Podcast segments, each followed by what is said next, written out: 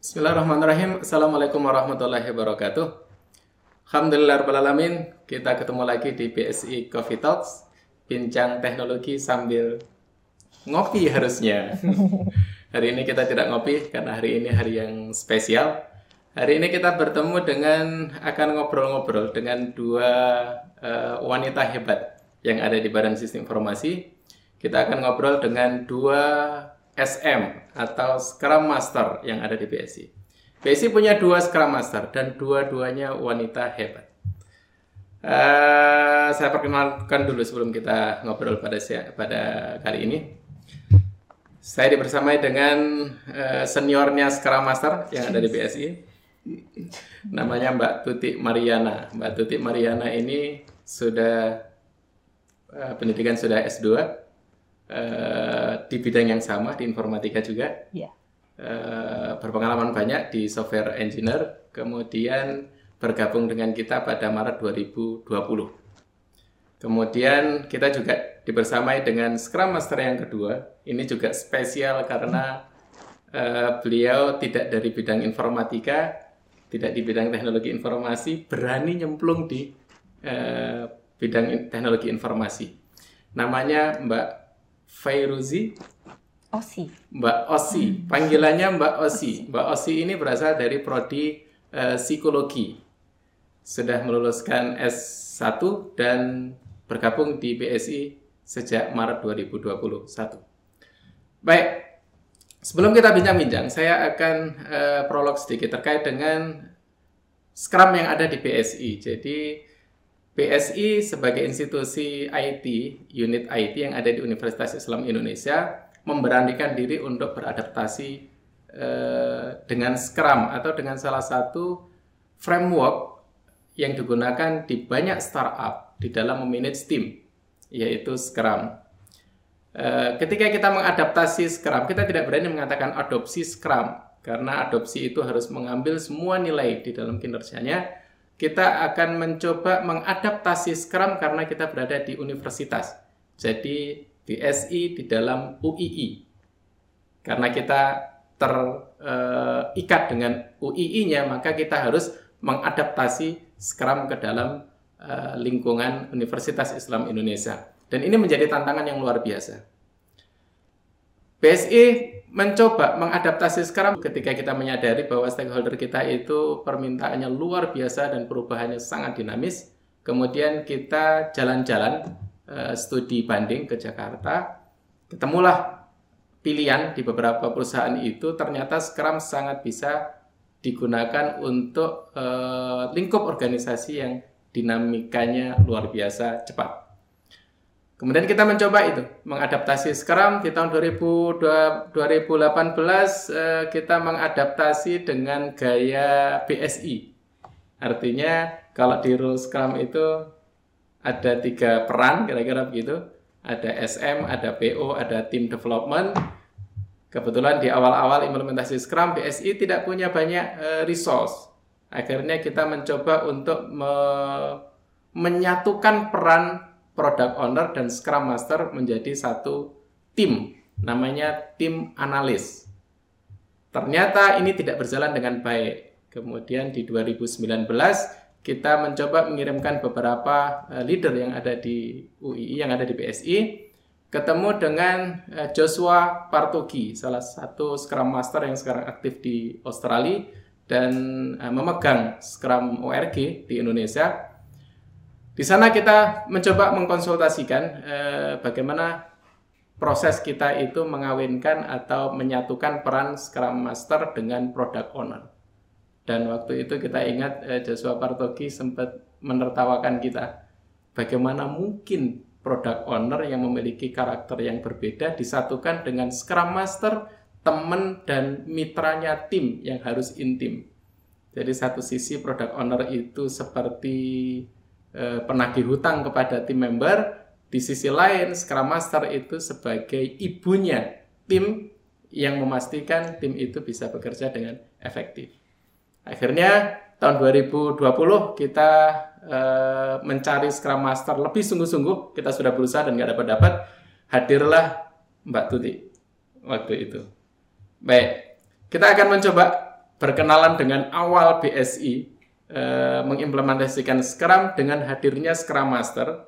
Hadirnya Mbak Tuti waktu itu eh, otomatis akan merubah banyak tim. Salah satunya adalah product owner kita tempatkan di product owner, Scrum Master idealnya juga bekerja sebagai Scrum Master.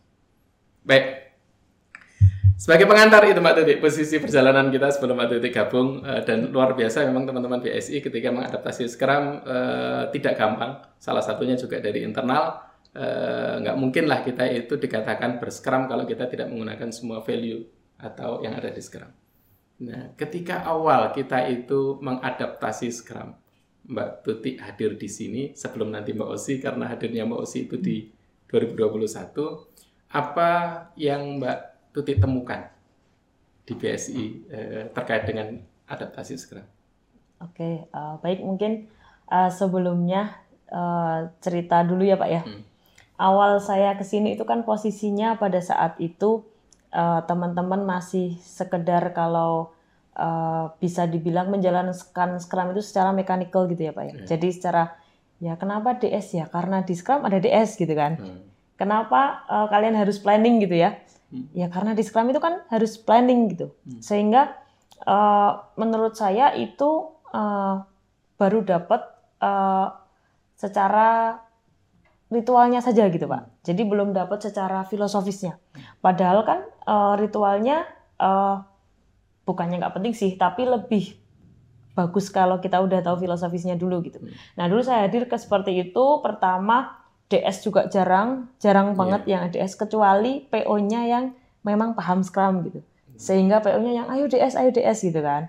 Tapi teman-teman yang lain belum banyak DS, terus kemudian uh, komunikasinya juga masih tentu saja masih uh, miss agak miss gitu ya. Terus terkait dengan beberapa event yang lain, retros apalagi tidak pernah dan uh, menurut mereka Scrum itu yang menarik adalah Scrum itu ya lead di tim gitu. Hmm. Kan ini SM-nya siapa gitu kan? SM-nya gantian setiap minggu ganti gitu. Hmm. Jadi jadi misalnya contohnya di timnya eh, ada satu tim gitu ya, saya tanyain satu member ini SM-nya sekarang siapa? Ini SMA-nya. Terus nanti di apa diputer gitu loh pak di... satu kali screen eh, satu kali sprint ah, ah. kemudian SM-nya bisa ganti SM yeah, bisa ganti yeah. mungkin relate ya tadi yang dikatakan yeah. Pak Khalid di mana uh, eh, PO langsung jadi SM juga yang hmm. dua dua dua sisi berbeda tapi jadiin satu gitu okay. maksa banget gitu istilahnya hmm. gitu pak jadi sama saya datang kayak gitu oh gitu ya sakti sakti berarti ya hmm. orang-orang PSI ya bisa bisa kalau pagi SM gitu ya kalau hmm. siang development team gitu nah seperti itu itu awal sekali sehingga uh, di situ tantangannya adalah gimana caranya kita uh, lebih ke arah menanamkan mindset gitu ya hmm. pak ya menanamkan mindset bahwa uh, ketika kita adopsi agile gitu ya, hmm. agile method gitu kan, mindsetnya adalah uh, harus mindset mindset orang yang tidak define dengan perubahan, hmm. dia selalu open dengan perubahan dan lain sebagainya. Nah itu mungkin penerapan mindset sih pak yang paling susah di awal gitu. Okay. Plus pada saat itu kan kayak saya anak baru nih gitu kan, hmm. anak baru yang kayak baru itik-itik gitu yeah. bahasa Jawanya gitu ya.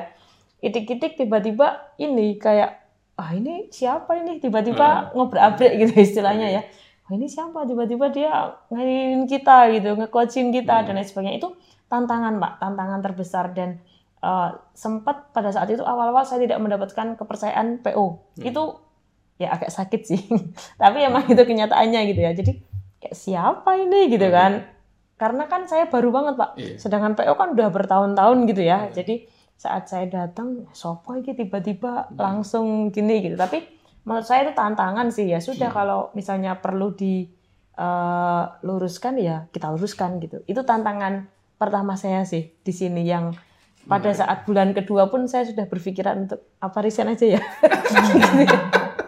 Oh bulan kedua sudah mikir resign ya? Apa resign aja ya gitu. Karena kompleks banget pak. Setiap uh. tim berbeda kemudian setiap PO juga treatmentnya berbeda. Pada saat itu uh, saya kan baru banget uh, di Scrum gitu ya. Jadi ya tapi asik sih. Sampai di sini juga asik sih. Tadi menarik loh. Menariknya salah satunya adalah merubah mindset itu yang pertama kali uh, perilakunya rutin me posisi tim itu melakukan Scrum hanya sekedar event by event dan mekanik sekali. Kemudian teman-teman PO itu sudah belajar Scrum sudah agak lama dari 2017 2018 tiba-tiba 2020 Mbak Tuti datang.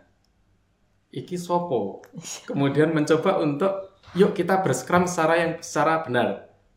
Uh, Iya, saya, saya saya ngebayang bahwa tantangannya adalah teman-teman BSI yang sudah belajar Scrum, kemudian Mbak Tuti masuk mencoba membenahi salah satunya tadi mindset Scrum. Itu tantangannya menjadi bagaimana meyakinkan teman-teman baik tim maupun uh, teman-teman PO bahwa Mbak Tuti itu mampu untuk salah satunya tadi masukkan mindset di fase awal. Ya, mungkin itu tantangannya ini Pak jadi kan pada saat itu ya, mungkin kan uh, kalau orang ngomong sih first impression gitu ya, hmm. itu kan sangat penting gitu. Nah di situ uh, awal sekali saya masuk gitu ya Pak, karena uh, mekanikalnya sudah mereka sudah sedikit menjalankan, hmm. tetapi uh, belum belum ini belum tahu goalsnya. Hmm. Seperti contohnya, kenapa sih harus DS gitu ya? Hmm. Belum tahu gitu kan. Nah di awal itu kita lebih ke coachingnya adalah coaching teori Pak. Jadi okay. saya coach dulu teori dari awal gitu ya hmm. Pak ya. Tapi coachnya kita nggak langsung break gitu nggak. Hmm. Karena tadi saya sudah di prok sama Pak Khalid juga ya. Hmm. Kita nggak yang adopted semuanya gitu kan. Hmm. Jadi uh, satu pertemuan tuh saya cuma ngebahas masalah event aja hmm. gitu. Terus satu pertemuan pertama malah saya cuma ngebahas kenapa Scrum gitu ya. Hmm. Kenapa Scrum terus. Kemudian pertemuan kedua, pertemuan ketiga dan seterusnya. Okay. Nah, di situ uh, saya meminta, uh, bukan meminta sih, saya uh, melihat bahwa teman-teman sudah menjalankan mekaniknya dan biarkan dia merasakan manfaatnya. Okay. Jadi kan ketika DS itu setiap hari kan, hmm. secara mekanik mungkin satu kali, dua kali, tiga kali mungkin belum hmm. merasakan manfaatnya itu, Pak. Tapi kalau sebulan, dua bulan itu hmm. sampai ke arah bahwa sekarang mereka sudah nggak ada yang nyuruh DS, tapi mereka sudah DS sendiri. Okay. Karena itu sudah ke arah merasakan manfaat gitu ya dan mereka sudah butuh. butuh. Ya, betul sekali sudah merasa butuh gitu. Jadi sekarang PO sudah tidak pernah hampir ya, hampir semua PO itu sudah tidak pernah uh, ini ngoprak-oprak gitu Pak, apa hmm. meminta untuk DS gitu. Yeah. Tapi mereka sudah sudah DS sendiri. Bahkan kalau DS itu kan sebenarnya eventnya tim ya, hmm. bahwa itu PO hadir atau tidak hadir ya, sebenarnya yang butuh tim gitu. Yeah. Nah, posisi sekarang kita sudah seperti itu. Jadi okay kita SM pun juga jarang hmm. karena kan tugas kita memastikan DS itu ada gitu ya, hmm. tapi tidak harus hadir di DS gitu. Jadi DS sekarang sudah jalan, berarti kan itu secara mindset itu sudah sudah terbangun ya Pak ya. Hmm. Dengan ya tadi biarkan aja lah dulu mekanikalnya berjalan dulu gitu. Okay. Ketika mekanikalnya sudah berjalan, mereka sudah tahu nih poinnya. Oh, hmm. DS tuh ini toh. Jadi kayak uh, kalau uh, istilahnya tuh learning by doing gitu, Pak. Yeah. Ya kan? Jadi kita belajar dari pengalaman lah gitu. Oh DS itu ternyata kayak gini. Terus manfaatnya ini. Sama juga planning. Wah kita nggak bisa kalau nggak planning nih. Hmm. Sekarang kan gitu. Hmm. Kalau dulu kan kadang nggak planning. Langsung aja masukin di Jira. Terus hmm. kemudian nanti dikerjakan gitu kan. Hmm. Nah hmm. kalau sekarang kan sudah. Oke planningnya kapan? Bahkan dulu awal saya ke sini saya menjadwalkan Pak hmm. planningnya segini segini segini oh, segini. Okay. Tapi sekarang kan kita sudah menjadi tamu undangan, uh. sudah menjadi tamu undangan gitu ya. Jadi, awal peran awal peran tadi kalau uh, menjadwal dan seterusnya seperti event organizer ya. Iya. Bagi tim. Iya. Oke. Okay. Kan ada perjalanannya itu, Pak. Betul. Iya kan, ada journey-nya. Uh, kalau misalnya PO kan juga ada sekarang posisinya masih di mana sebagai hmm. apa gitu kan. Hmm. Nah, itu kan semuanya perjalanan. Kalau PO kan endingnya mungkin uh, entrepreneur ya, gitu ya. Nah, kurang lebih seperti itu. Kita juga dulu iya kita uh, sebagian notulensi hmm. malah bisa bisa Sampai dibilang. notulensi. Ya masih notulensi ketika notulensi, retro. sekretaris menjadwal. Mengingatkan ketika pagi-pagi.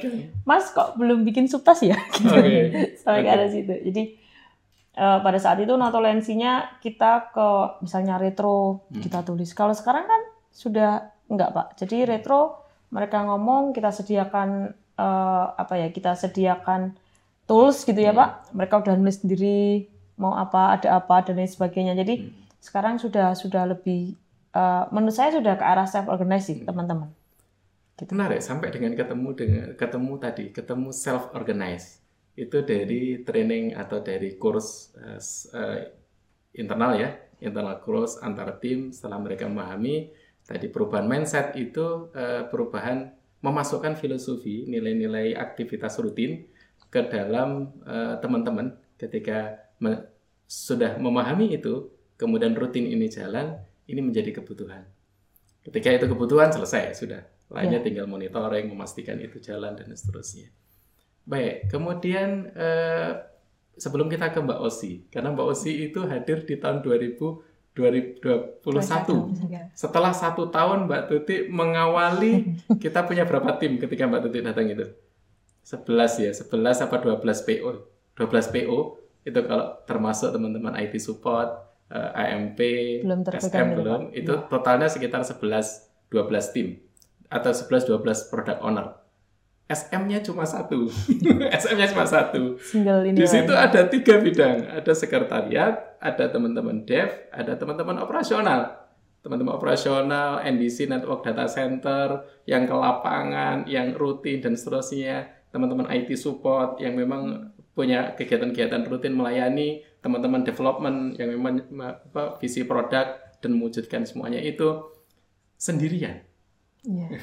Sekarang saya nanya, tantangan sendirian mencoba untuk mendeliver tadi mindsetnya dirubah dengan rutin menjadi filosofi sampai kebutuhan kemudian self organize itu kan uh, wow kalau menurut saya wow itu apa yang mbak tidak lakukan sebanyak PO itu oke jadi uh, mungkin gini pak kalau mbak Osi kan stressingnya kebalik ya beliau hmm. dari psikologi kemudian dimasukkan ke IT gitu ya. Iya, lingkungan nah, IT. Saya kebalik Pak. Dulu hmm. sebelum di sini kan uh, development banget ya. Saya yeah. yang programmer terus hmm. sistem analis gitu kan uh, lebih ke arah mikir development kan, mikir gimana sih bikin produk gitu kan.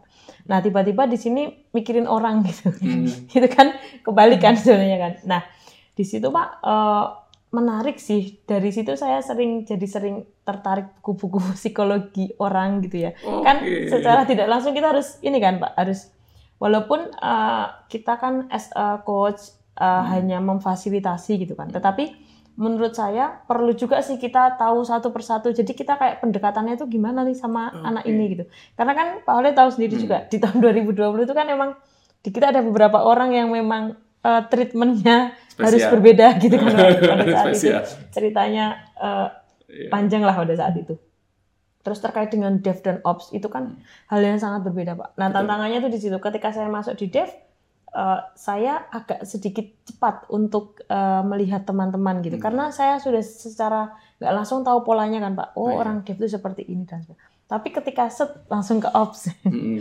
nah itu tantangannya. Itu sudah dunia baru. Iya sudah sangat sudah berbeda baru. sekali pak pada saat itu uh, saya yang megang anak network itu kan hmm. kan mereka anak lapangan yang hmm. ke sana sini gitu kan di mana uh, pada saat itu kan orangnya network itu sekitar tujuh orang ya pak ya hmm. tujuh orangan di mana kan untuk DS saja mereka juga nggak pernah pada saat hmm. itu orang network itu hmm. ya sudah berangkat satu langsung ke Eva misal satu hmm. langsung ke mana satu langsung ke mana gitu kan pak hmm. nah itu jadi secara komunikasi pun uh, pada saat itu belum bagus. Hmm. Maksudnya komunikasinya via WA dan lain hmm. sebagainya sudah sudah ada komunikasi. Tetapi kalau sekarang kan sangat lebih ter ini ya Pak ya uh, terjaga sekali yeah. komunikasinya karena ada DS, mereka tetap planning. Tapi kan uh, ops ini spesial Pak. Hmm. Kalau dev itu kan misalnya kita planning kan satu bulan ya bisa jadi itu sesuai dengan planning semua yeah. gitu. Yeah. Nah tantangannya di ops adalah dia kan pemadam kebakaran pak Posisi operasional itu kan pemadam yeah. kebakaran ya jadi uh, akan banyak tas nol yang datang-datang di okay. di tengah gitu okay. ya di mana uh, kalau misalnya dev itu kan tas nol itu ada tetapi hmm. itu kemungkinannya sangat kecil okay. karena kan sudah jelas tuh pak kita mau ngapain ya? predictable betul sekali nah kalau di ops itu kan unpredictable banget jadi hmm. tiba-tiba hmm server mati gitu atau iya. tiba-tiba yeah. jaringannya mati gitu. Jadi kan karena pemadam kebakaran itu. Jadi treatmentnya memang uh, memang jadinya berbeda pak. Jadinya okay. berbeda di mana uh, kita harus memisahkan gitu ya pak ya hmm. pekerjaan yang rutin dengan pekerjaan yang uh, terencana tadi. Hmm. Kan ada kan pekerjaan-pekerjaan di uh, di ops itu yang terencana. Hmm. Lebih banyak ke improvement sih pak. Yeah. Mau upgrade ke apa dan lain sebagainya hmm. itu kan terencana. Nah itu uh, di situ uh, gimana kita memainkan scrumnya hmm. gitu kan Pak. Hmm. Uh, mungkin kalau sekarang ada scrum for operational gitu. Yeah. Nah kita adopsi itu, jadi hmm. belajar lagi dari berbagai modul dan kemarin juga diikutkan training bersama Joshua itu, hmm. itu juga impactful sekali karena benar-benar kita private ya, hmm. kita ngomong masalah kita seperti apa. Hmm. Nah di situ saya mencoba untuk menggawangi teman-teman NDC gitu hmm. dan sekarang uh, alhamdulillah teman-teman NDC sudah sudah sudah ini sudah hampir sama gitu dengan hmm. anak dev dia sekarang juga sudah planning planning sendiri hmm. review bisa sendiri gitu hmm. mestinya sudah sudah tidak lagi perlu banyak inilah banyak oh NDC kan. itu network and data center iya, teman-teman infrastruktur atau teman-teman operasional yang memang menjaga operasi uh, layanan teknologi informasi di WI itu harus running well dan tadi tas nol itu uh, tiba-tiba ada masalah di tengah jalan hmm. artinya memang unpredictable tiba-tiba langsung uh, sibuk ada kala ada kala-kalanya kesibukan itu menurun. Nah, di situ yang tempat improvement dan seterusnya dan seterusnya. Tadi yang menarik kalau Mbak uh, Tuti dari orang IT, orang development, makanya masuk ke dev agak uh, gampang karena memang dari situ kemudian di SM mau tidak mau belajar karakter orang. Ya. Karena menangani jadi ibunya anak-anak lah ya. menangani berbagai masalah per orang, bukan per tim, per orang. Jadi akhirnya kan harus belajar psikologi. Ya, kemudian tahun 2021 uh, eh, Maret hadir eh Februari ya, ya hadir Mbak Usi. Kita open recruitment dan kita memang uh, waktu itu mencari orang yang non IT, kalau bisa orang psikologi. Di saat kita ingin mencari orang psikologi, datang Mbak Usi. Kenapa kita pengen psikologi waktu itu Mbak Osi? Karena pas kita ikut uh, training dengan Josia di Jakarta dengan Joshua Partogi waktu itu PSPO ya, uh, profesional uh, product owner banyak P, eh, banyak SM yang hadir dan SM itu backgroundnya banyak psikolog. Hmm. Kita tuh heran kok SM di Jakarta banyak orang-orang psikolog. Saya uh, tadi kemudian Mbak uh, Tuti dalam best practice-nya perjalanannya malah belajar psikolog karena SM memang mendampingi banyak-banyak persoalan orang ya secara. Yeah. Tapi saya mendengar memang di awal-awal Mbak Mbak Osi sempat ini bukan lingkungan gue gitu. ini tapi Mbak Tuti tadi justru masuk lingkungan yang sesungguhnya itu psikolog itu kan agak kontras itu. Nah apa yang dirasakan Mbak Mbak Osi di awal uh, masuk? Iya ini sih jadi waktu interview aja uh, saya emang udah ini challenging banget gitu karena em nggak tahu IT sama sekali gitu hmm. bahkan nggak tahu Scrum gitu sebelumnya gitu okay. sebelum sebelum uh, emang niat untuk apply di sini gitu hmm.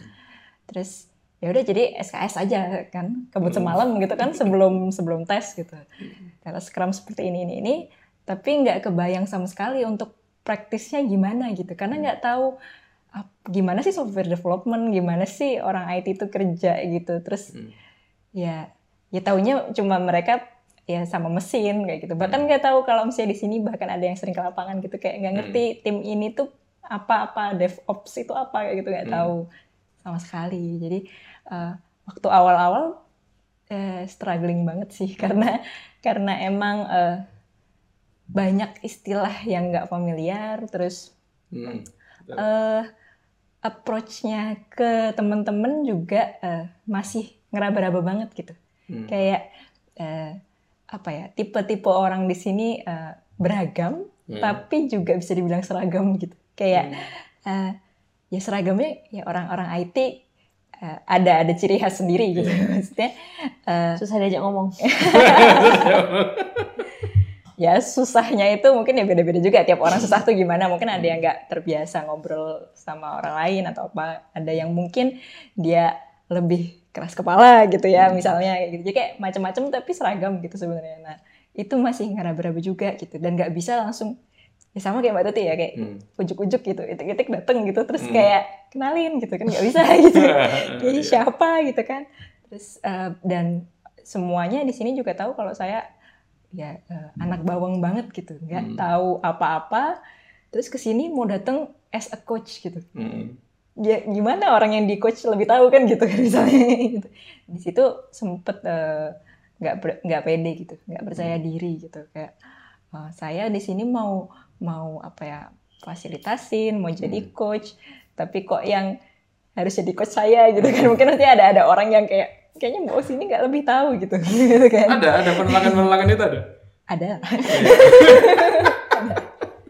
Ada. Lah pasti kayak gitu. Oke. jadi jadi sempat di situ uh, apa ya agak-agak jadi agak sensitif gitu agak Hmm. mikir agak ya sama resign aja mbak ya gitu Iya, tapi kan ya enggak lah gitu mungkin masih masih bisa diiniin karena uh, di satu titik terus uh, ketemu kalau oh ternyata walaupun lingkungannya IT ini tetap uh, apa ya lingkup people gitu Hmm. tetap kita develop people di sini tetap uh, saya bisa menggunakan ya yang knowledge yang saya punya gitu Hmm. walaupun nggak punya basic knowledge sama sekali di IT gitu ya. Hmm. cuma oh ini ternyata tetap hubungannya sama orang gitu di sini Hmm. mungkin uh, yang saya bisa mungkin saya kurang-kurang uh, bisa untuk Hmm. approach secara uh, gede ya forum gitu kurang bisa tapi kalau interpersonal mungkin bisa lah gitu Iya. walaupun mungkin di sini orangnya 70-an deh tapi kan Iya. ya agak butuh waktu emang tapi Hmm. seenggaknya dalam uh, selama setahun ini kayak ya saya ya cukup percaya diri untuk bilang oh ada Hmm. saya ada progres gitu saya udah lebih mengerti gitu ini gimana sih BSI itu Hmm. dari culture-nya dari culture per tim, culture per Hmm. PO, culture per member dev-nya gitu. Hmm. Itu kayak mereka beda-beda sampai ke individunya pun itu mereka punya dinamika yang beda-beda lagi kayak gitu. Itu sih mungkin Iya. eh, di situ mulai kerasa oh iya kenapa Eh, terus teman-teman bilang kalau "Eh, Joshua itu dari psikologi gitu maksudnya Paratogi dari psikologi. kayak orang-orang SM itu juga banyak yang psikolog gini Hmm. gitu. Nah mungkin tapi eh, saya sendiri eh, dari awal mungkin yang paling jadi eh, challenge karena eh, dari awal kenal Mbak Tuti itu kayak wah ini orang kebalikan banget gitu sama saya gitu kayak. Ya, apa apa bedanya sama Sunda? Sama aja kayaknya. Banyak. Apa bedanya banyak? Karena berbeda itu berjodoh. Iya, Kalau sama ribut. Iya sih, mungkin mungkin Kalau- saling melengkapi gitu ya Pak ya. Saling menambah. Kalau eh, kalau di psikologi Mbak Osi, di psikologi itu ada ada berapa berapa bidang tuh sebenarnya. Biasanya ada psikologi klinis, ada psikologi apa, psikologi industri. Ah. Ada banyak sih sebenarnya. Banyak. Kalau kalau di UI sendiri kan ada klinis, ada industri dan organisasi, ada perkembangan, ada sosial, gitu. Kli- eh, klinis, Islami juga ada. psikologi Islam juga Ada. juga ada. Kalau Mbak Osi dulu yang dipilih apa? Saya sebenarnya perkembangan. Oh, kamu Jadi jadi kayak keluarga anak. Oke. jadi sebenarnya emang dibilang tetap gak nyambung. juga dengan dengan ketika S1. Tapi Iya. kalau tadi ya ada namanya psikologi itu kan yang dipelajari tetap orang ya. ya. Hanya eh, kalaupun anak pertumbuhan sebenarnya kita kita semuanya yang di BSI kan sedang pertumbuhan juga sebenarnya. Artinya pertumbuhan dari yang remaja ke dewasa, dewasa juga rata-rata kita kalau dewasa itu siapa lah? Usia berapa? Kita yang masih remaja lah ya, remaja ke bukan. Iya. Eh, tim tim tim kita yang di BSI itu rata-rata kan masih muda. Karena kalau di masa pertumbuhan itu masih oke lah. ya. Kemudian eh, s- Scrum itu kalau didekati oleh orang psikologi, itu kira-kira ilmu apa yang paling memang dibutuhkan banget eh, jadi SM itu. Sebenarnya tetap industri dan organisasinya sih. Oh malah industri sama organisasi. Iya. Klinis nggak masuk ya? Bisa, bisa. Oh, bisa, bisa masuk tetap juga. bisa masuk kayak karena walaupun dia itu kan cuma spesifikasi aja ya, kayak Hmm. spesialisasinya konsentrasinya itu bidang-bidangnya cuma kan emang saling berhubungan satu sama lain Hmm. mungkin ya kalau manajemen stres kan bisa dibilang masuk ke klinis Iya. gitu cuma ini kan lingkupnya industri maksudnya kantoran lah kayak gitu Iya. jadi kan ya udah apa namanya eh, saling berkaitan gitu ya sama Hmm. kayak dibilang walaupun saya perkembangan masih nyambung lah gitu Masih nyambung. masih nyambung Karena menangani menangani persoalan people, ya persoalan orang, bukan persoalan IT. Kalau persoalan IT mungkin bu- bukan SM ya, Iya. itu teman-teman PO, teman-teman tim dev. Eh, kalau tadi Mbak Mbak Osi ketika masuk tadi tantangannya karena emang ini ini ini baru banget ya, ini baru banget ini wilayah IT, tapi salah satu yang menghibur banyak sekali teman-teman SM memang dari eh, psikolog. Hmm. Bagaimana Mbak Osi kemudian menemukan eh, ritme diri ya sebagai Iya. orang yang merasa bukan gue banget ini sebenarnya Iya. ketika masuk eh, terus ketemu sama tim, ketemu sama teman-teman eh, Mbak Tuti menjalani semua sampai ketemu ya ini kayaknya yang paling bagus begini. Hmm. Iya, jadi sebenarnya di satu titik saya nemu kalau mereka tuh dalam tanda kutip takut kalau dipanggil SM. Kayak Oh, iya. kalau kita nakal terus dipanggil guru BK. kayak Iya. apa ya? Maksudnya Mbak Tuti juga kadang cerita Hmm. kayak "Eh, aku masuk ke ruangan aja langsung kayak Loh, Mbak Tuti kenapa? Ada apa nih? Ngapain kayak gitu kan? Maksudnya kayak kayak disidak gitu, gitu kan? Jadi maksudnya oh ternyata ada ada anggapan kayak gitu. Padahal kita di sini kan harusnya kayak dianggap merangkul gitu Hmm. dan kita sebagai jembatan juga Hmm. sebagai fasilitator gitu kita harus tahu mereka nya pinginnya gimana dan sebagainya jadi di sini saya berusaha untuk merubah itu gitu kayak Hmm. "Ah, enggak kok kita di sini temen gitu Hmm. kita kita di sini untuk eh, bukan untuk menilai gitu bukan untuk eh, ngasih skor Hmm. kalian produktivitas dan lain-lain Oke. walaupun emang iya cuma Oke. kan cuma kan nggak setiap kita ketemu kita Hmm. nyapa itu berarti ada apa-apa gitu Hmm, hmm, hmm, hmm. kita pingin eh, kadang kayak saya bilangnya walaupun emang namanya judulnya coaching gitu Hmm. saya bilang enggak ngobrol aja gitu ngobrol Hmm. aja santai aja gitu mau cerita apa cerita gitu kalau Oke. enggak eh, ya kadang mbak Tuti juga emangnya aku galak ya gitu sampai, sampai mikir gitu kan "Emang galak enggak sih mbak cuma kan mungkin mereka mikirnya OSM gitu kita yang biasanya ngecekin velocity Hmm. ya maksudnya gimana nih produktivitasnya kenapa nih turun dan lain-lain gitu. Ah, tapi kan kita nggak cuma sekedar itu gitu saya berusaha untuk ah, ya kita tuh eh, apa ya berusaha untuk menghilangkan hambatannya teman-teman gitu Oke. untuk produktif itu kan juga termasuk itu gitu nah itu ya udah eh, masuknya aku- eh, saya ini mencoba untuk tahu hambatannya mereka tuh Oke. apa aja kayak gitu Baik. Menarik. Ketika sampai ketemu sama pola, bukan pola sebenarnya, ritme itu ya.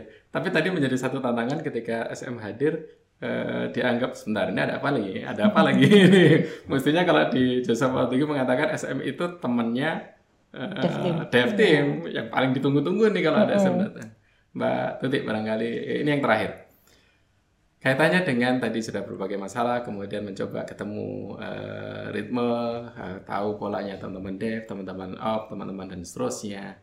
Bagaimana caranya setelah kita ketemu ritme ini, eh, gaya masing-masing tim, gimana caranya? Ini kalau kalau menjadi rutin seperti itu kan menjadi bahaya ya. Gimana caranya?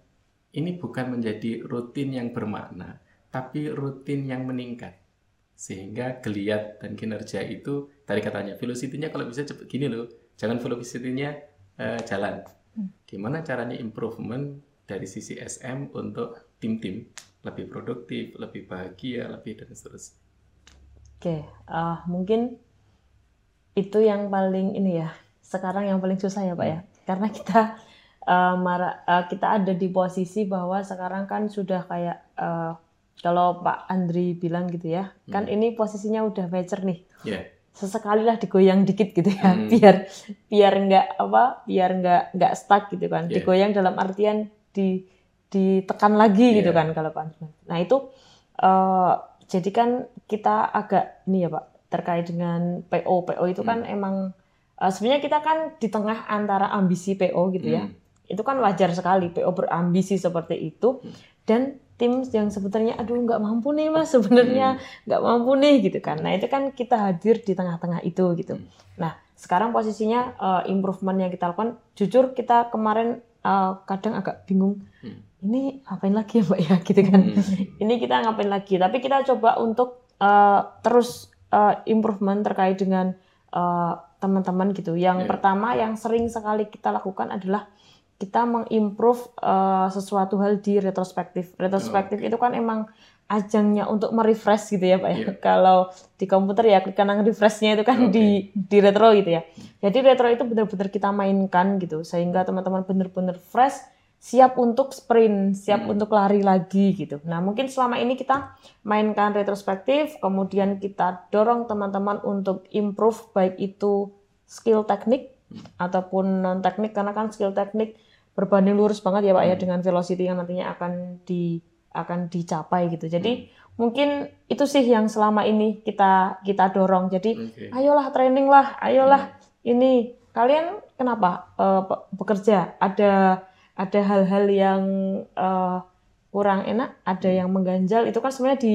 di retro ya. Hmm. Diharapkan kalau misalnya mau berantem ya berantem aja di retro gitu. Hmm. Tapi kita keluar dari pintu retro kan sudah yeah. sudah sudah nggak ada apa-apa gitu. Yeah. Nah mungkin uh, improvement yang akan yang kita lakukan selama ini sejauh ini baru itu sih. Baik, uh, menarik.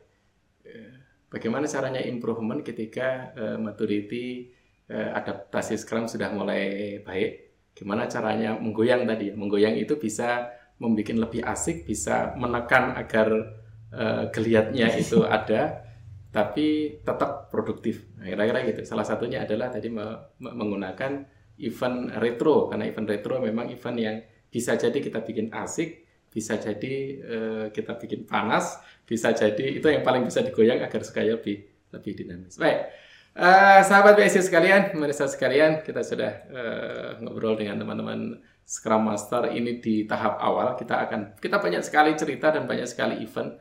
Kalau kita bahas event per event yang ada di BSI, banyak sekali uh, hal yang bisa kita ceritakan dan kapan-kapan kita akan lanjutkan uh, cerita apa yang dihadapi teman-teman SM barangkali bermakna dan uh, dapat bermanfaat di tempat Anda sekalian. Kita uh, lanjutkan di edisi berikutnya dalam BSI Coffee Talk. Assalamualaikum warahmatullahi wabarakatuh.